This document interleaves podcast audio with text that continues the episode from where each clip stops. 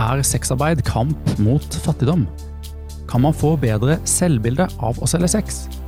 I denne episoden så snakker Alexander og meg om pro et kontra prostitusjon, eller for eller mot sexarbeid. Og vi spør oss litt hva er det som bestemmer hvordan du opplever det å selge sex.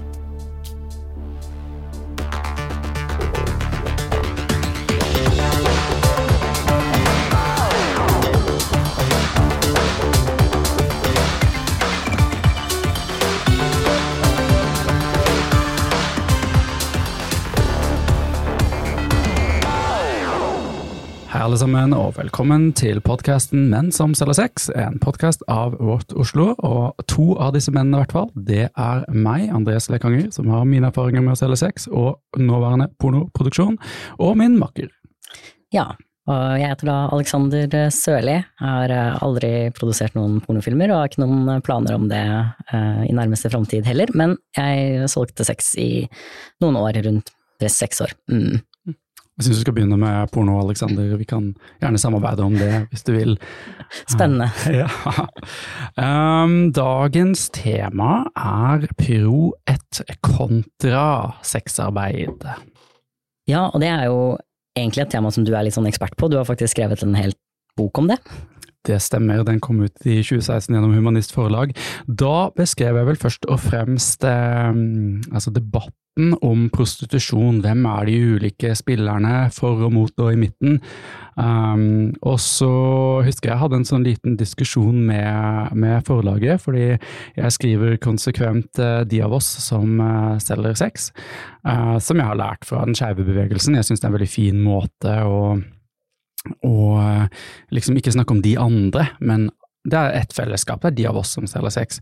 Men det var samtidig også en fin måte å gjemme meg selv og mine erfaringer på, for da kan jeg på en måte hinte litt uten å være Mm. helt åpen, og da er vi jo inne på i hvert fall noe som har påvirket mitt liv, som jeg tenker er en kontra, som vi sikkert skal snakke mer om senere, og det er jo da stigma, Mm. som gjør at vi må holde ting eh, hemmelig. Men eh, har du gjort deg noen tanker om fordeler, ulemper med å selge sex, eller porno, eller andre former for sexarbeid, Aleksander? Alexander?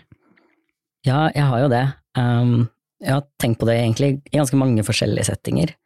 Men en grunn til at jeg faktisk tenker at det er liksom et viktigere tema da, enn det folk liksom ofte tror, det er at jeg tenker at uansett hvordan man stiller seg, da, så kan man på en måte ikke begynne å jobbe med de tingene som eventuelt er skadelige med sexarbeid, og man kan heller ikke begynne å jobbe med for eksempel hvordan man kan hjelpe folk som ikke har lyst til å selge sex, til å gjøre noe annet, hvis man ikke faktisk vet da, hva det er som er appellerende med sexarbeid i utgangspunktet. Altså sånn, hva er det som gjør da at så mange, eller det er ikke veldig mange, men en god del folk da, velger å ha det her som sin inntekt.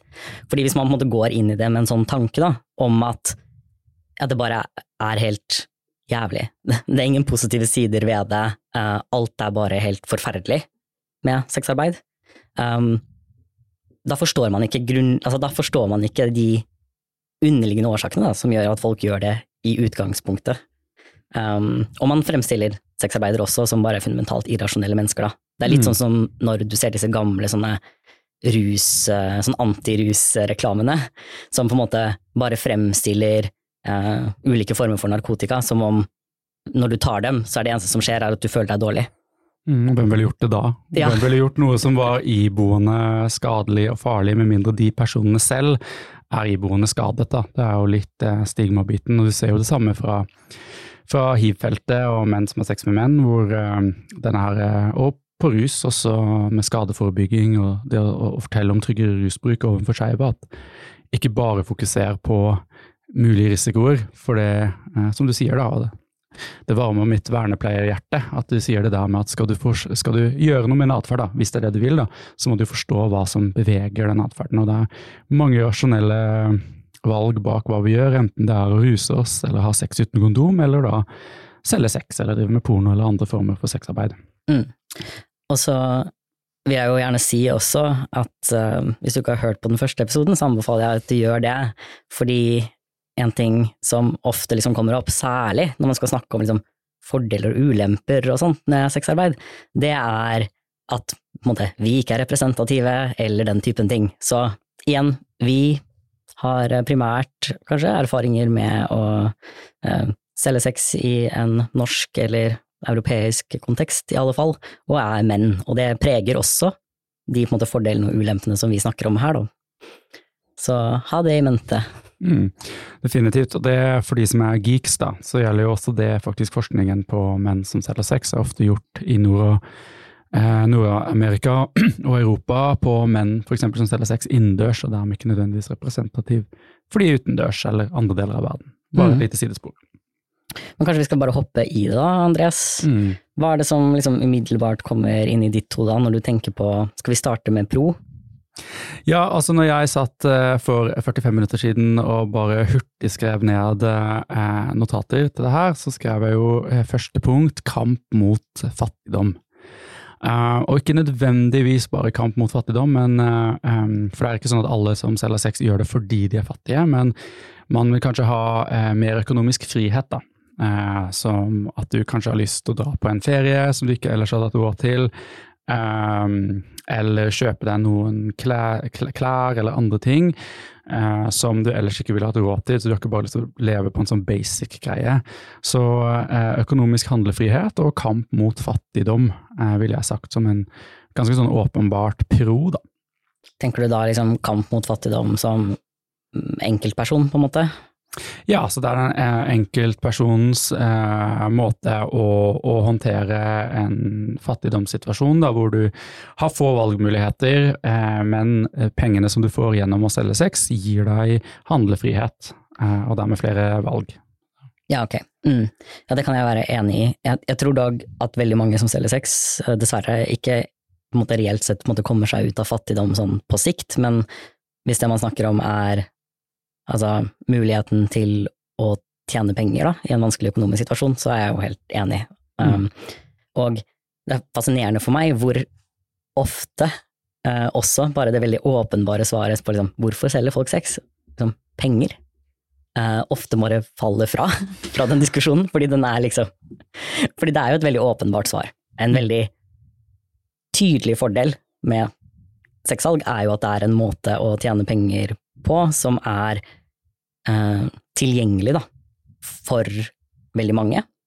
Um, hvor man ikke i utgangspunktet trenger noen utdanning, um, ofte heller ikke trenger til og med liksom arbeidstillatelse i landet du er i.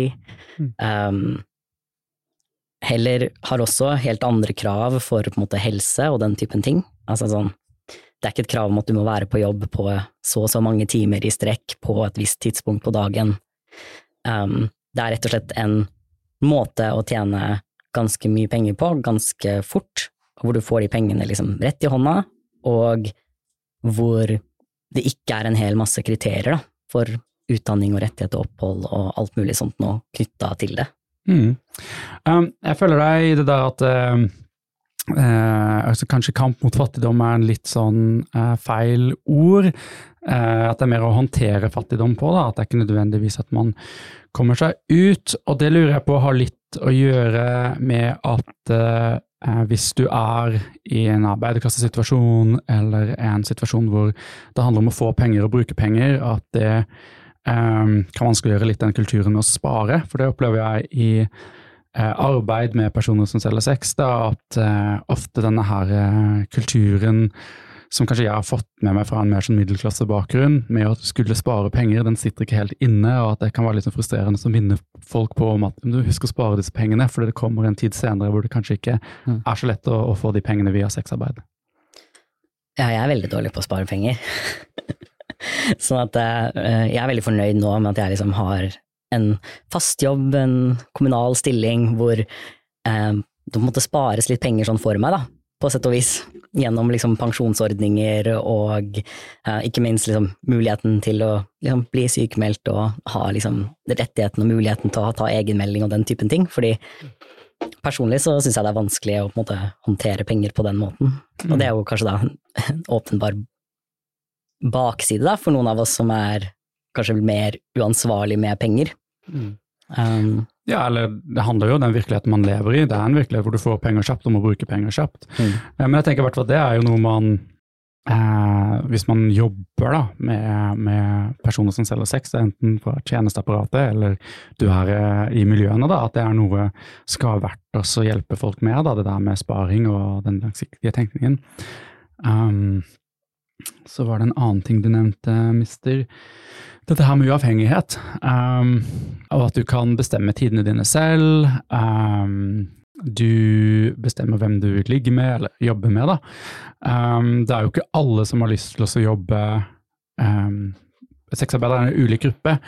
Uh, og jeg vet jo f.eks. om en god del, i hvert fall før, da, når du hadde litt sånne kjente bordeller her, så var det f.eks. kvinner i rusmiljøet som absolutt ikke ville Altså kvinner som jobber på gata da, med, og, og, som hadde rusproblematikk, de ville absolutt ikke inn på bordeller. For det eh, der var det jo for mye altså Da må du stille opp til de og de tidene.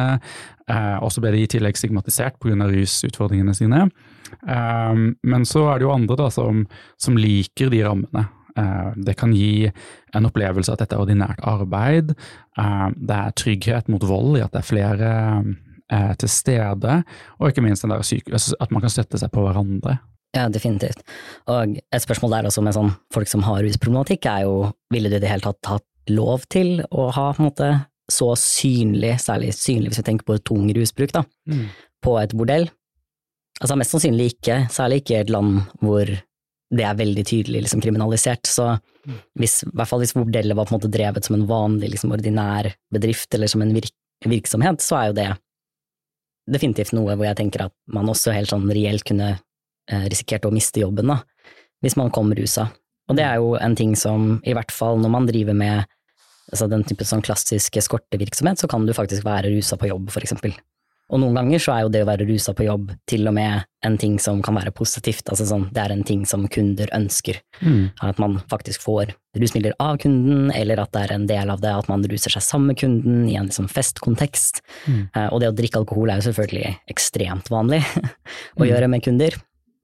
Men ja, fortell meg litt om det. Um, rus og eh, sexarbeid. Um, for da tenker jo jeg at det kan være litt eh, forskjellig eh, hvordan sexarbeidere forholder seg til rus. Så, så for jeg arbeider jo mye med eh, skadeforebyggende rusopplysning. Eh, forteller skeive og sexarbeidere hvordan man kan ruse seg på måter, på illegale rusmidler, som forebygger eh, uhelse.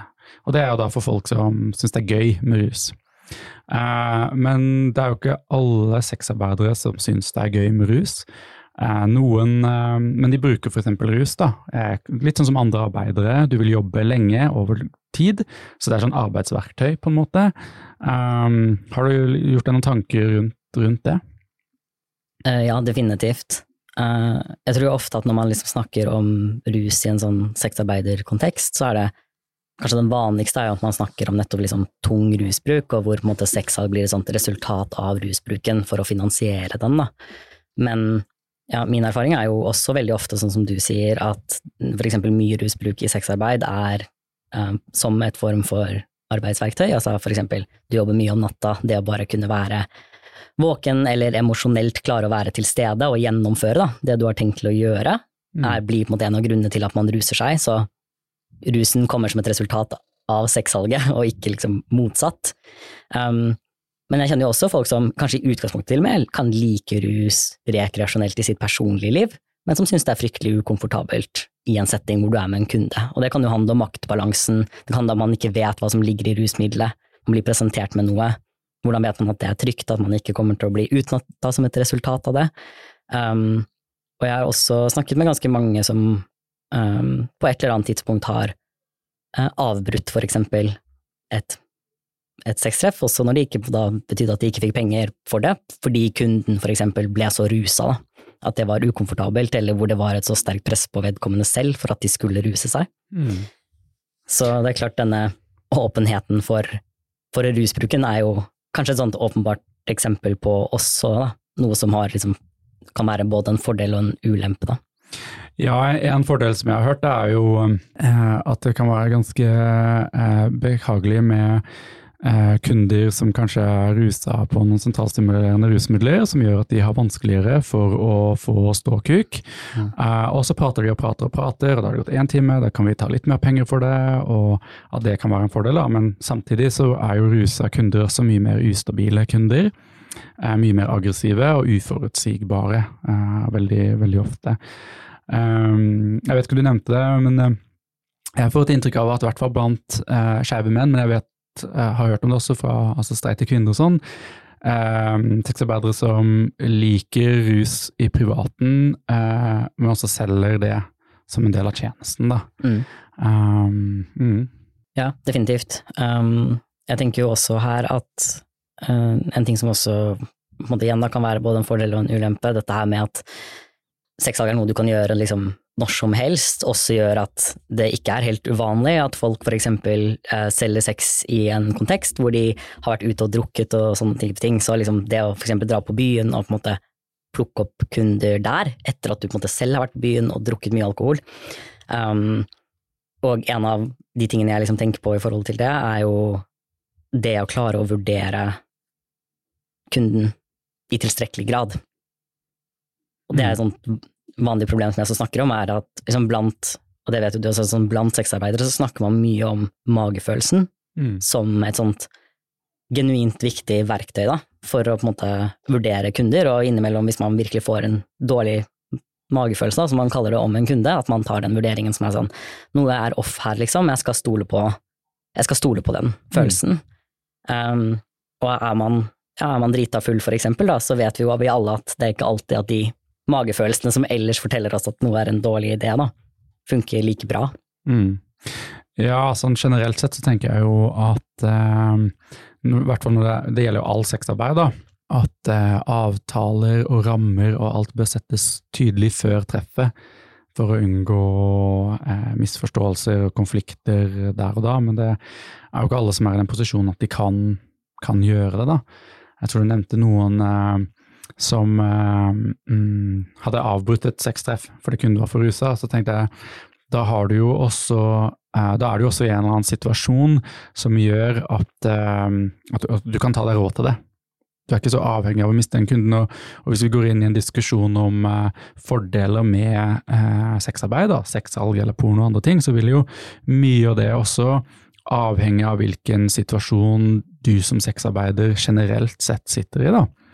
Um, så for eksempel um, en uh, mannlig sexarbeider jeg prata med, som hadde veldig mye erfaringer, gode erfaringer med å sette grenser, og også kunne da ikke treffe folk, men han var da ikke like avhengig av uh, det å selge sex som, som andre jeg kjenner. Jeg snakket med en kvinne som, som ikke uh, hun måtte utsette seg for mulig hivrisiko, fordi hun hadde ikke råd til å velge bort kunder som ville ha sex uten kondom. Mm. Eh, som jo er et godt argument for uh, preeksponeringsprofylakse, PEP, PREP, medisiner som beskytter deg mot hiv. Ja, jeg er også veldig pro eh, PREP, for så vidt. som sykepleier som har jobba mye med seksuell helse. Kan ikke reklameres nok for um, hvis man på en måte er, har en høy risiko. Men ja, jeg er helt enig med deg, og kanskje det kan, var jo noe jeg også skrev ned faktisk, da, som en mulig eh, nedside, som jeg tenker også kommer litt inn på hvor liksom picky man kan være da, med kundene sine, er jo um, dette med liksom utseende og alder og kropp og den typen ting. Sånn at liksom Sexarbeid er jo definitivt en bransje hvor jeg vil mene at det finnes et stort mangfold av liksom kropper og utseende og alder er mye større enn det folk tenker at det er. Men det er også liksom definitivt sant at det er et hierarki på, på måte hvilke typer liksom, utseende og kropper og så videre som anses som liksom high class, da, og som får lov til å måte få den statusen. Så selv når man tar liksom to personer som kanskje kommer fra samme på en måte, egentlig liksom sosioøkonomiske bakgrunn, da, så vil det være liksom en forskjell på noen som er liksom konvensjonelt uh, attraktiv i liksom tidlig i 20-årene, slank, pen og så videre, og noen som uh, for eksempel er ja, i 40-årene da, og er liksom eh, overvektig og kanskje ikke er veldig liksom konvensjonelt, eh, konvensjonelt vakker. Ikke på den måten at det vil være umulig for sistnevnte å liksom selge sex, fordi det er det ikke. Sånne mennesker selger også sex hele tiden. Og for, Men, de, og for de så kan jo Eh, det var noe av det som jeg hadde skrevet ned, at uh, hvis du ikke er den konvensjonelt pene, da, hvis du f.eks. kanskje er feit eller noe i den dur, så kan jo det faktisk det kan være noe av det som en, et individ da, vil si dette er positivt med å selge sex, at jeg får den bekreftelsen mm. på, um, på, at jeg har en lekker kropp. Um, og, uh, og, så har jeg også, jeg skal også snakke med, med transpersoner som um, får bekreftet sin kjønnsidentitet. For det, du, du, eh, du, du, er en transkvinne, da, og du selger sex som kvinne, og da får du det bekreftet. da. Um, men, eh, og det samme tenker jeg også innenfor porno, at du har et utrolig mye mer mangfold der enn f.eks. i vanlige media, men som du sier, en veldig tydelig mainstream porno som alle må liksom rette seg mot. da. Det ja. tenker jeg for så vidt er et veldig godt argument eh, for eh, amatørporno.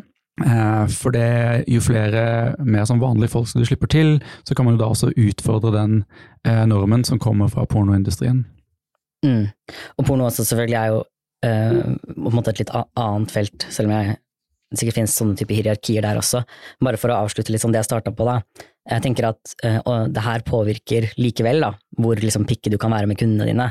Fordi jo mer du er utenfor liksom mainstream-normen da, for skjønnhet, på en måte, jo mer må du på en måte inn på et nisjemarked hvor det finnes færre kunder å ta av. Så også på en måte hvem du er i forhold til liksom, kropp og identitet og alle disse her tingene, ha, vil også på en måte påvirke antallet personer da, som du kan velge mellom mm. blant måte, kundene dine, og hvor liksom, picky du kan være på hva slags type seksuelle tjenester du selger, for eksempel, da, eller hvordan du på en måte markedsfører deg selv, mm. hvis det gir mening. Det gir absolutt mening. Uh, du må si for om dette her ikke er um relevant i det, men jeg tenker sånn hvis du er en transperson, da, som selger sex, og da tenker jeg at du kanskje får et litt mindre kundemarked. Eh, jeg opplever at veldig mange transpersoner er veldig ettertrakta, tjener mye penger, men at da øker også voldsrisikoen, fordi kanskje mange av kundene har problemer med sin egen seksuelle identitet, og uh, at de kjøper sex fra noen som er trans, og så lar de det gå utover sexarbeideren gjennom vold. Mm. Ja, um, altså selvfølgelig, transfolk er jo også forskjellige her. Her er det jo også en forskjell, eh, akkurat som med for så vidt For alle andre så er det jo sånn at uh, de liksom, studiene vi har, viser liksom at transkvinner tjener mer penger, for eksempel, i prostitusjon enn det transmenn gjør, på samme måte som cis-kvinner også tjener mer i prostitusjon enn det cis-menn gjør. Uh, og det handler jo om at de fleste som kjøper seksuelle tjenester, er heterofile menn, sånn at det er på en måte et større marked for det, da, mest sannsynlig, eh, som er liksom årsaken til det. Men ja, eh, absolutt, og der er det jo den, kanskje på den ene siden, din status som en minoritet da, kan bli en ting som um, er attraktivt og fint ved deg, og det kan være en god og fin følelse, å føle at liksom eh, ellers i samfunnet så er denne delen av meg noe som blir avvist, noe som jeg blir diskriminert over, mens i denne jobben som jeg gjør her, da, så er det noe som folk spesifikt syns at er attraktivt. Så det er ikke sånn at de liker deg liksom på tross av at du er trans, de liker deg fordi du er trans, ofte, som er en sånn som jeg tror kan være en veldig fin ting, da. Men i hvert fall for meg, da, som uh, Og jeg, jeg, er jo trans. Um, en transmann, da, spesifikt. Jeg har bare solgt sex som en mann, men da spesifikt liksom som trans. Uh, så er det jo likevel et veldig sånn jeg, jeg, føler, i hvert fall selv, da, at jeg har mye mindre rom da, for hva slags type tjeneste for eksempel jeg kunne reklamere for, fordi den spesifikke måten som på en måte transmenn fetisjiseres på, eller som hva slags måte vi kan være på, da, som anses som sexy, den er ganske sånn satt i stein, da. På en litt sånn annen måte enn jeg opplever at mange mine eh, kompiser som er liksom cis-menn, og som er sånn tilsvarende utseende og bakgrunn som det jeg har, har ofte liksom mer mulighet for å liksom rebrande litt, eller bytte mellom hva slags type marked de er i. Og for de som lytter som kanskje ikke skjønner hva jeg mener når jeg snakker om ulike markeder, så kan det eksempel være sånn at særlig hvis du er en mann, så kan du på en måte reklamere med at du Eh, liksom bare er en topp, eller at du er en switch, for eksempel, eller en bottom. Du kan reklamere med at du driver med liksom financial domination, du kan gå mer inn på liksom kink. Um, det er veldig mange på en måte, eller fett, ulike former for fetisj, så det er liksom veldig mange ting som man kan eh, kanskje gå inn i, um, eller liksom velge å ikke ta en del av. Men jeg tror at for transfolk, men også for veldig mange liksom antar jeg da, sikkert andre minoriteter også, at liksom du kan tjene mye penger inn i et sånt nisjemarked, men du har mindre mulighet for å flytte deg ut av det nisjemarkedet. Mm. Det kan minne litt om uh, sexarbeid og etnisitet, i hvert fall uh, det som jeg har lest om fra USA, spesielt fra en bok, Male Sex Work and Society, uh, hvor det ene kapitlet handler om hvordan mannlige sexarbeidere presenterer seg selv på annonsesider.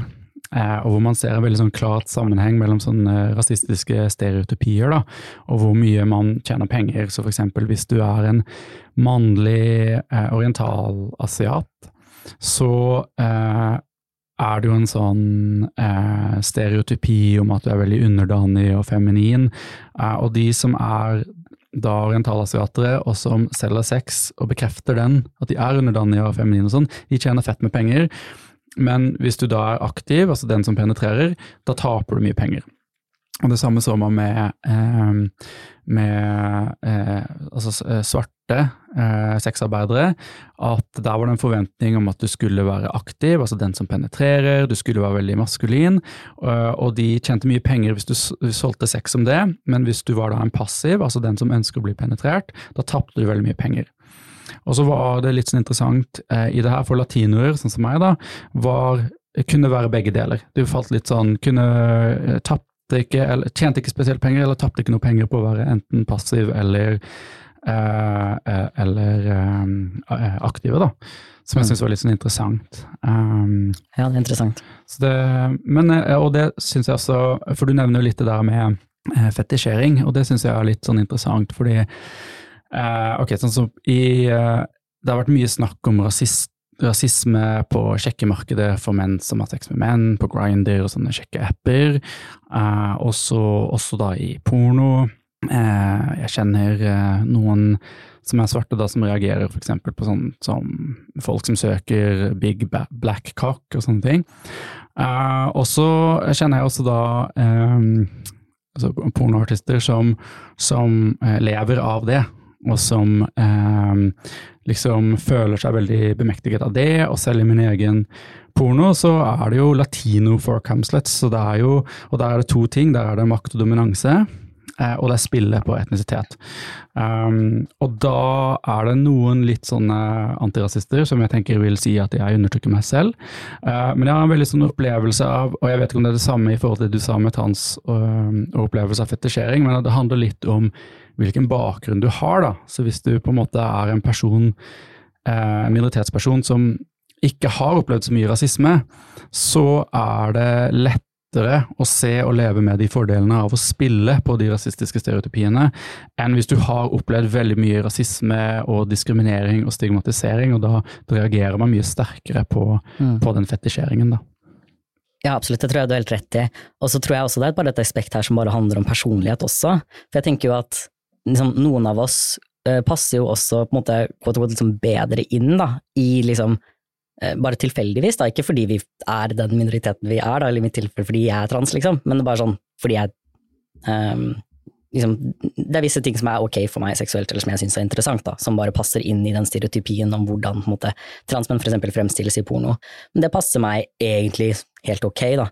Um, og da, og da blir det jo også sånn at det tilfeldigvis passer ok, så vil det jo ikke føles måte så galt heller, når folk putter disse på måte tingene på deg. Um, og det vil heller ikke være like synlig, fordi det er jo ikke alltid at folk sier direkte at liksom, jeg behandler deg på denne måten fordi du er trans, eller fordi du er latino. Men jeg snakker jo med en del um, transfolk, for eksempel, da, som opplever at de har en, måte, en seksualitet og en identitet som er veldig, veldig, veldig annerledes enn det bildet som på en måte er i porno. Um, og da blir det veldig synlig. Mm. Når folk måte plutselig behandler dem på en viss måte da, som bryter med det. Fordi da blir det veldig sånn Det her er ikke noe jeg har sagt, det her er ikke noe jeg har liksom, sagt, liksom, reklamert eller vist på noen måte at jeg liker, da, og kanskje de har vist det helt motsatte i sine profiler eh, videre, men allikevel så blir de på en måte behandla på en viss måte hele tiden. Så vil jo det også, tror jeg, føles mer som en belastning, da, og det vil være vanskeligere for dem sikkert også å spille på på det. Men ja, absolutt. Det er ikke veldig vanskelig med liksom, stereotypier og Men ja, jeg er også enig i at det er, det er jo det er jo komplekst, fordi man tjener jo mer penger på å spille på det, definitivt. Ja, så tenker jeg jo seksualitet og sex handler jo også om, om iscenesettelse, og kunne spille på kanskje det er pirrende å spille på ting som ellers i samfunnet ville vært eh, tabu, da. At det må være greit, liksom det som foregår i mitt mikrokosmos. Um, ja, en form for liksom reclamation, da. Det kan jo definitivt være for mange. Mm. Men det er litt interessant det du sier om at eh, det kan være litt sånn trangt for transpersoner, for jeg opplever jo i hvert fall eh, på gaysir og uh, sjekkeapper for menn som har sex med menn, da, at du ser en oppløsning av tradisjonelle normer for maskulinitet. Da. Du ser flere eh, som eh, f.eks. Sissy, som kan handle om å være en veldig feminin, hårløs gutt som kanskje tar på deg en parykk og, og, er en veldig feminin rolle. og at Det er mye, mye mer av det enn før. Men det som kanskje da er noe som høres ut som er et, en utvikling hos cis-folk, og så på sexmarkedet da, så er det litt sånn trangt for transpersoner, høres det ut som. Ja, det tror jeg det fremdeles er. Altså, jeg tror bare det å se transfolk veldig sånn tydelig representert i det hele tatt er ganske nytt, da, på en måte. Um, transkvinner har jo vært synligere på en måte porno enn det liksom transmenn har. Nå har det jo vært noen år mens det har vært en god del på en måte, porno på den siden også, men ja, jeg tror det kommer ofte litt sånn seinere, da, og at uh, normene også, eller sånn, bare hvor hvor mye man kan bryte med kjønnsrollen til det liksom, kjønnet man har transisjonert til, er og fremdeles bli akseptert som det kjønnet, er annerledes, da, mm. ofte, når man er trans, på en måte. Mm. Man vil på en måte ofte øh, En transmann som på en måte fremstiller seg selv som en sissy, vil nok på en måte veldig fort da, bli forstått som noen som liksom har det transisjonert, eller som ikke mm. egentlig er en mann, da. Mm. Heller enn noen som på en måte leker med seksualitet. Mm. Men um, hvis vi skal gå um, liksom litt sånn videre, da, på um, enten forsider eller baksider, for den saks skyld. Vi har snakka litt om det, men sånn, jeg tenker jo det finnes en del sånn uh, Penger er jo en sånn fordel som bare er der for alle. Mm. Den tenker jeg er litt sånn uavhengig av personlighet, på en måte. sånn i et kapitalistisk samfunn, på en måte, så er liksom, penger vil oppleves som et personlig gode, da, ja. for de fleste. Men det er jo også noen ting som kanskje er mer sånn personbasert, men som er fremdeles er relevant, da. Og det, vi har jo nevnt noe av det, det som blir oppfatta som attraktiv. Um, men også bare, jeg tenker også at noen personer bare syns at det er gøy å pule, eller de syns det er interessant eller spenningsfylt eller artig. Altså sånn, de syns sex er gøy, og de syns det er gøy å få betalt for sex, og det er en mm. Og definitivt, definitivt, og jeg tenker sånn innenfor eh, porno, eh, så uh, jeg leste en studie fra 2013 eh, som hadde eh, intervjua sånn rundt sånn 600 personer fra pornobransjen og 600 vilkårlige personer funnet på en eller annen sånn flyplass. og Så hadde de spurt om selvtilfredshet og psykisk helse og sånne ting. og Så viste det seg at pornoartistene i den studioen de hadde mye bedre selvtillit, de hadde mye mer eh, beskyttelse mot psykisk uhelse og sånn. og Da tenkte man at da spekulerte forskerne i at ok, men um, antagelig så er dette personer som da ønsker at folk skal Altså de er ekshibisjonister, da. Og så kommer du inn i et miljø med andre ekshibisjonister, og du er beskytta fra en stigmatiserende omverden. Um, og det tenker jeg også da at porno eller sexarbeid også kan være et sånn frirom for de som, som har lyst til å, å være fargeklatter, da. Uh, og vise seg fram. Uh, kan for så vidt skrive under som det. Det er litt noe av det jeg skriver i profilen min på X-Hamster, at jeg er en ekshibisjonist. Ja, og, og der er jeg egentlig uh, veldig enig, jeg har ikke noe erfaring fra sånn pornobransjen, men jeg opplevde også liksom sexarbeidermiljøet som veldig, veldig liksom um, aksepterende, da, og ja, fargerikt kanskje, da, kan man si. Altså, sånn, det bare var et veldig stort mangfold av folk, og det var greit å være annerledes. Det var en forståelse for at liksom, ok, her er vi liksom ja, vi er alle litt sånn litt fucka og eh, litt weirde og litt annerledes, og det er greit, da. Og kanskje ikke bare greit, men det er en ting som er fint, liksom. Ja. Det er en gode ved deg, da. Det er ikke en sånn det, det, bare føltes veldig sånn ok å være annerledes, og jeg kan jo si det sjøl at um, jeg husker altså, en av de aller første liksom, ordentlige jobbene jeg fikk som um, rett ut av liksom, videregående, så ble jeg var utsatt for ekstremt grov homofobisk trakassering. Og det var en veldig sånn ja, vanlig um, type baristastilling. Um, men det var noen som var tilknytta til den jobben, som uh, over tid da, bare utsatte meg for veldig veldig grov homofobisk diskriminering. Um, og altså den typen erfaringer, da, um, sånn relativt liksom tidlig, hadde også mye å si for meg for det å, å selge sex. Altså bare som en skeiv mann, da. Den følelsen av at sånn Altså, jeg er en mann som selger sex til menn, på en måte.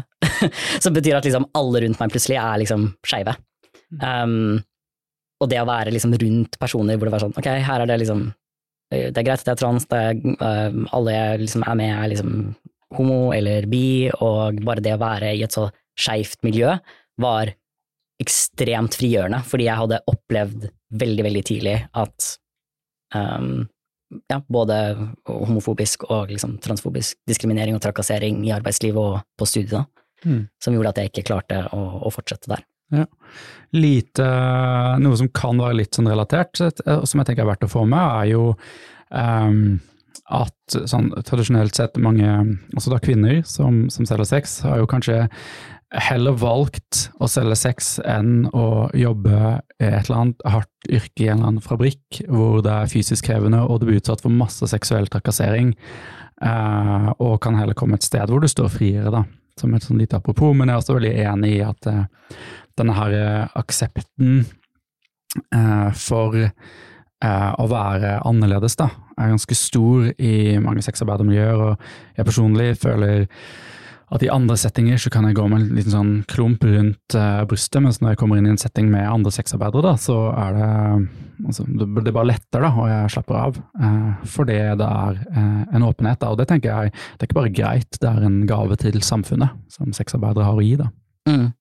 Ja, og jeg, jeg, vet ikke liksom, hvordan du opplever det som måte, latina, men som, som trans så opplever jeg også at liksom, selv i rom hvor altså, i, i, rom med sexarbeidere, da, hvor det ikke liksom er andre transfolk, så føler jeg meg eh, veldig avslappa, egentlig, over at jeg liksom er trans. Det virker uproblematisk, da, på en måte som jeg ofte ikke opplever um, nødvendigvis andre steder.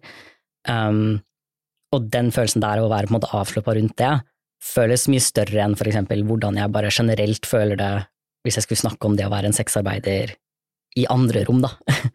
Hvor på en måte den sexarbeiderdelen ble på en måte så er kanskje så stigmatisert, da, på sett og vis, at det at man har det til felles, blir på en måte en større ting enn de andre tingene som gjør oss forskjellige, da. Mm. Ja, og det er jo den stigmabiten, uh, store con, da, hvis vi også skal gå litt inn, eller kontra, hvis vi også skal gå litt innom, innom det. Mm. Det, og det, det, som du innledet med å si, da, at eh, åpenbar fordel med å drive med sexarbeid, om det er porno eller sexsalg, penger. Men ingen ser det. Uh, og hvorfor er det ingen som ser det? Jo, det er fordi det er et stort lag med stigma som gjør at folk heller tenker du må jo være skadet. Mm. Uh, det må jo være noe galt med deg. Og det er jo eh, Og det stigmaet kan jo være ganske ødeleggende. Eh, eksempel eh, med tanke på at mange sexarbeidere da bruker veldig mye tid på å fortelle løgner til de som er venner og familie, og så må du begynne å holde styr på hva var det jeg sa til Alexander, det må samsvare med det jeg sa til Ida, og så kanskje det blir bare mye lett lettere å bare ikke treffe Alexander og Ida, for da slipper jeg å holde styr eh, på hvem jeg har sagt hva til. Så det leder til isolering, som ikke er bra for, eh, for ens helse. Eh, og så er det jo også noe med at dette trigma, stigma er Altså, det trigger jo vold og utenforskap, og jeg merker jeg blir jævlig provosert eh, av hva folk kan finne seg i å si til personer som selger sex. Jeg husker når um, sexarbeider Hege Grostad var veldig mye ute i media, så var det liksom psykologer som gikk ut på et eller annet forum på Facebook og begynte å fortelle hva slags diagnoser de mente hun hadde, som for det første er brudd på yrkesetikk. Du kan ikke diagnostisere folk uten å ha møtt dem, liksom, men, men, det er greit å gjøre, for det er en sexarbeider.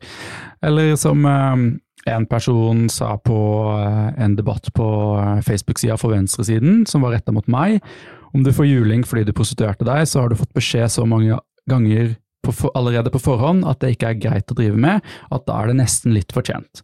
Det gjelder for øvrig ikke dem som er tvunget ut i prostitusjon.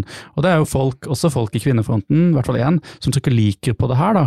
Uh, og så tenker jeg og at det at folk kan finne seg Altså at de føler seg trygge på å si det, da. Det Mm. sier noe om, om stigma. og Siste sånn litt eh, greie som jeg har lyst til å, å nevne på det, Um, det var jo da i um, to år tilbake så hadde jo til og med Vårt Oslo, da, som er våre verter for denne podkasten, en uh, sak om en uh, 21-åring som ble straffedømt, for han hadde utsatt sin kvinnelige ekskjæreste for grove uh, trusler. Eh, og det som ble vektlagt, det var ikke at, han, at hun var utsatt for vold eh, og grove trusler, men det var det at han truet med å legge ut navn og bilder av henne, av henne på en eskorteside. Det var liksom hovedoverskriften. Eh, og da satt jeg igjen og tenkte at er det virkelig verre at noen tror at du selger sex, enn å bli utsatt for vold? Det var liksom det sånn inntrykket jeg satt med da. Da ba Vårt Oslo meg om å skrive en liten uh, meningsinnlegg om det. Så. Ja, eh, jeg har tenkt det samme veldig ofte. Sånn, jeg føler at for eksempel når vi snakker om at liksom homo er et skjellsord, så klarer vi på en måte også å ha i mente at liksom, ja, altså, ja, heterofile folk blir også kalt eh, homo, og liksom, det er sårende og kjipt, liksom, men det her er i utgangspunktet først og fremst et uttrykk for um, hat mot homofile, da, som på en måte ligger i samfunnet. Mens når man snakker om liksom hore som en skjellsord, så snakker man på en måte nesten aldri om den underliggende delen der, da, som er at liksom, dette her er jo fordi vi ser på horer, da, som noe som er det her hesligste man kan være. Men der er alltid bare fokuset på at det er forferdelig å, å kalle en kvinne en hore, fordi det å være hore er ille. Heller enn å fokusere på at liksom, ja, det er selvfølgelig ofte liksom eh, misogynistisk, dog menn kan definitivt også bli kalt horer, særlig når vi selger sex. Jeg har selv blitt kalt det mange ganger. Um, men det ligger jo en veldig, veldig viktig ting bak her, da, som er at liksom, det her er jo stigma mot sexarbeidere som ligger i bånn, liksom. Mm. Det er derfor det skjellsåret gjør så vondt. Ja, jeg merker eh, Jeg føler meg utrygg hvis noen jeg ikke kjenner spør ja, at du er en hore. Ja, ja, For det, jeg, jeg syns aldri at det høres ut som det ligger noe positivt under det. Jeg kan sikkert tro at i mange tilfeller så har ikke folk lagt så veldig mye i hvilke ord de bruker, om det er sexarbeider, prostituert eller hore. Eh, men sånn historisk sett så er det et ord som eh, menn har brukt og ropt før de banker opp noen som anses som hore. Eller eh, før man skal bestemme seg for å forskjellsbehandle f.eks. For i rettsvesenet. Så jeg tenker eh, for en sånn forestilling om horer, da, altså mennesker som er mye av seg selv seksuelt, at de snakker om sex eller viser fram eh, seksualiteten sin. Eh, en sånn forestilling er at, eh, at eh, man ikke kan eh, At vi har ingen grenser, da. Sånn at det for eksempel, eh, det har jeg opplevd for på London pub, da, at noen som liker pornoen min, tror da at det er greit å bare komme rett fram og så gripe meg på skrittet. Og det er sånn, ok, bare fordi jeg liker seksuell oppmerksomhet på nettet, betyr ikke det at det er ok, da. Eh, Og grovere tilfeller, det er jo Jeg husker ikke hvilket år det var, men det var for noen år tilbake hvor eh, det var noen eh, menn som fikk strafferabatt etter å ha voldtatt sexarbeidere. Og det er jo den samme ideen, da. Altså det er ikke det samme å voldta noen, noen som, som selger sex, fordi de er ikke som, som andre, da. Og det tenker jeg er historien til ordet hore og forståelsen av ordet hore, og det gjør at jeg syns det er et veldig ugreit ord eh, å bruke sånn generelt, da. Jeg er helt, jeg er helt enig. Jeg syns det er um, Ja, det er et skjellsord. Det er et veldig, veldig tydelig skjellsord, og um, jeg har fått det brukt også mot meg ofte, liksom flere ganger i uh, debatter og diskusjoner og den typen ting, hvor um, Og det er alltid når det begynner å liksom hete seg opp. Sånn, du kan til og med se samme person går fra å ha brukt liksom begrep som prostituerte, de endrer det til hore når de blir sure, liksom. Og det er så gjennomgående, da. Det er en sånn, du ser at liksom, du har andre ord for dette. Det her, liksom, det, det er, det er knytta til forakt inni deg, liksom, når det kommer ut. Um, og det er annerledes enn når sexarbeidere selv bruker det da, på en liksom, munter måte, eller seg imellom. Da. Det er det samme som å ta tilbake liksom, andre type, type begreper. Um, og helt enig også med det her med liksom, hyperseksualisering da, som en del av den um, stigmatiseringen. Og ja, en måte det gir seg uttrykk på, er den tanken om at liksom, du alltid er tilgjengelig på en eller annen måte. At måte, overgrep eller seksuell trakassering mot deg er mer greit. Um, den andre måten som jeg tenker at det gir seg uttrykk på, er en sånn tanke om at du er noen som er seksuelt selv, da, er seksuelt aggressiv eller på en måte så uh, seksuelt utagerende at du på en måte er noen som bare i kraft av å ha denne bakgrunnen eller ha det her som jobb, eksempel ikke kan være rundt barn eller ikke kan liksom, jobbe i omsorgsyrker. Og det ser man jo blant annet ved at liksom, sexarbeiderhistorie blir dratt opp i barnevernssaker, selv når personen ikke liksom aktivt selger sex, eller i situasjoner eventuelt da, hvor personen kanskje selger sex, men aldri har gjort det hjemme, eller hvor det aldri på en måte har vært noe i nærheten av, av barna. Da. Det gjør på en måte at man anses som noen som er seksuelt upassende, per definisjon, og det er noe som hefter ved deg for alltid, da. Mm. Hvis du har på en måte gjort det én gang. Ja, det tenker jeg henger jo sammen med at man tenker at man er iboende skada på et vis, da. Eh, og hvis ikke man er det, man, og derfor begynte man med sexarbeid, så blir man det av det. Eh. Ja, men ikke bare skada, jeg tenker skadelig. Mm. Altså man anses som skadelig til andre, da. Mm. Altså jeg har jo selv fått um, blitt meldt til liksom statsforvalteren med noen som mente at jeg burde bli fratatt liksom sykepleie Eh, min, da, fordi jeg har snakket om å selge sex før. Eh, og det er jo veldig basert på en sånn tanke om at jeg på en måte er seksuelt upassende, og jeg har fått, fått høre det mye, altså det har blitt dratt opp mye. Det at jeg er sykepleier og det at jeg har solgt sex, er sånn kombo da, som folk hater, og det blir alltid fremstilt som om jeg er seksuelt upassende eller ville vært seksuelt upassende med pasienter. Men det er jo en helt eh, sinnssyk idé, egentlig, som på en måte ikke har noe hold i noe jeg faktisk har gjort eller sagt. da. Um, og det tror jeg er basert på på, på mange måter da, er, er den, det er den overseksualiseringen da, av personer som selger sex. Um, men vi begynner å nærme oss liksom slutten, kanskje. Jeg har litt lyst til å bare fort også nevne, fordi vi har snakka mye nå om fordeler og ulemper, uh, som jeg tenker er kanskje litt sånn uh, Mye av det er veldig sånn sosialt betinga, men en sånn åpenbar ting som folk tar opp ofte, som kanskje ikke er like liksom, betinget av liksom, sosiale strukturer, er jo sånn risiko for eh, seksuelt overforbare infeksjoner, og eh, eventuelt også måte, graviditeter. Um, og her tenker jeg ikke for så vidt bare på kvinner, jeg tenker også på um, altså jeg selv har snakka med, for eksempel, uh, cis-menn som selger sex både til menn og til kvinner, um, som har opplevd for eksempel at cis-kvinner tar kontakt med mannlige eskorter uh, fordi de er single og har lyst til å få barn. Um, så det her er jo også en potensielt ganske heftig måte, konsekvens, og hvis de er ærlige om det, så er jo det nå én ting, men uh, bare den risikoen der, da, altså sånn muligheten for at det kan komme et barn ut av det her, er jo en kanskje en bakside for de fleste av oss, um, og Og det forsvinner ikke med antibiotika, så, som en gonoré-infeksjon. Um, og og selvfølgelig seksuelt overførbare infeksjoner, da, som liksom mm, mulige yrkes, yrkesrisikoer her, da. Mm.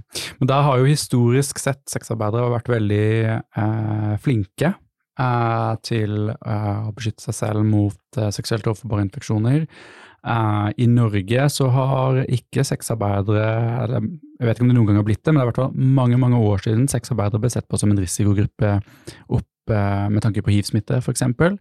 Um, og eh, vi nevnte jo PREP i sted, og, som jo da er en pille du kan ta, og som da gjør at du kan ha sex med noen som lever med hiv, og som da er smittsom, eh, uten at du kan bli smittet med hiv. da. Det beskytter deg mot, mot hiv. da.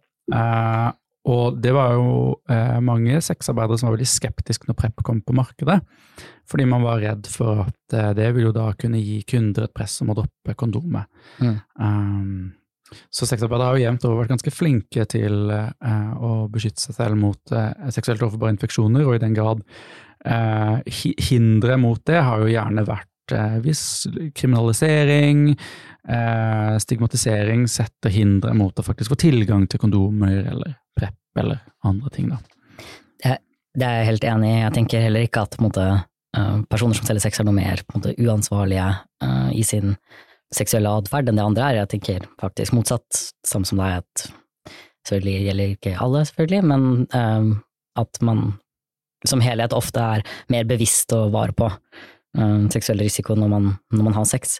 Men jeg tenker jo likevel det er verdt å si at liksom, det er jo ikke det er jo fremdeles en mulig risiko, selv om man eventuelt er forsiktig. Særlig ting som gonoré og den typen ting kan ofte smitte veldig lett, og uhell kan jo skje.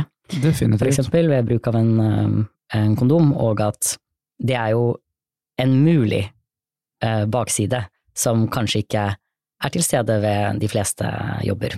Selv om, dog, det er jo verdt å si at andre, altså smitte av andre typer sykdommer skjer jo eksempel når man jobber som sykepleier. Mm. Eller vernepleier. Ja. Mm. Seksuell smitte er nok ikke så veldig vanlig, heldigvis, eh, på jobb som sykepleier og vernepleier. Men, da er det noe galt. Ja, da er det noe galt. Um, men uh, andre former for uh, mm. smitte kan jo definitivt uh, skje. Um, så det er jo ikke den eneste Eh, arbeidsgruppa sånn sett, som er utsatt for uh, mulige infeksjonssykdommer. Definitivt ikke. Så det er vel kanskje den graviditeten da som er det mest uh, unike for det den typen. Uh, det var nytt for meg at man kan søke opp sexarbeidere fordi man vil ha barn, men altså, ja. Det er jo interessant, da, det, og det bør være et tema når man har en podkast om menn som selger sex. Det er jo da kvinner som kjøper sex.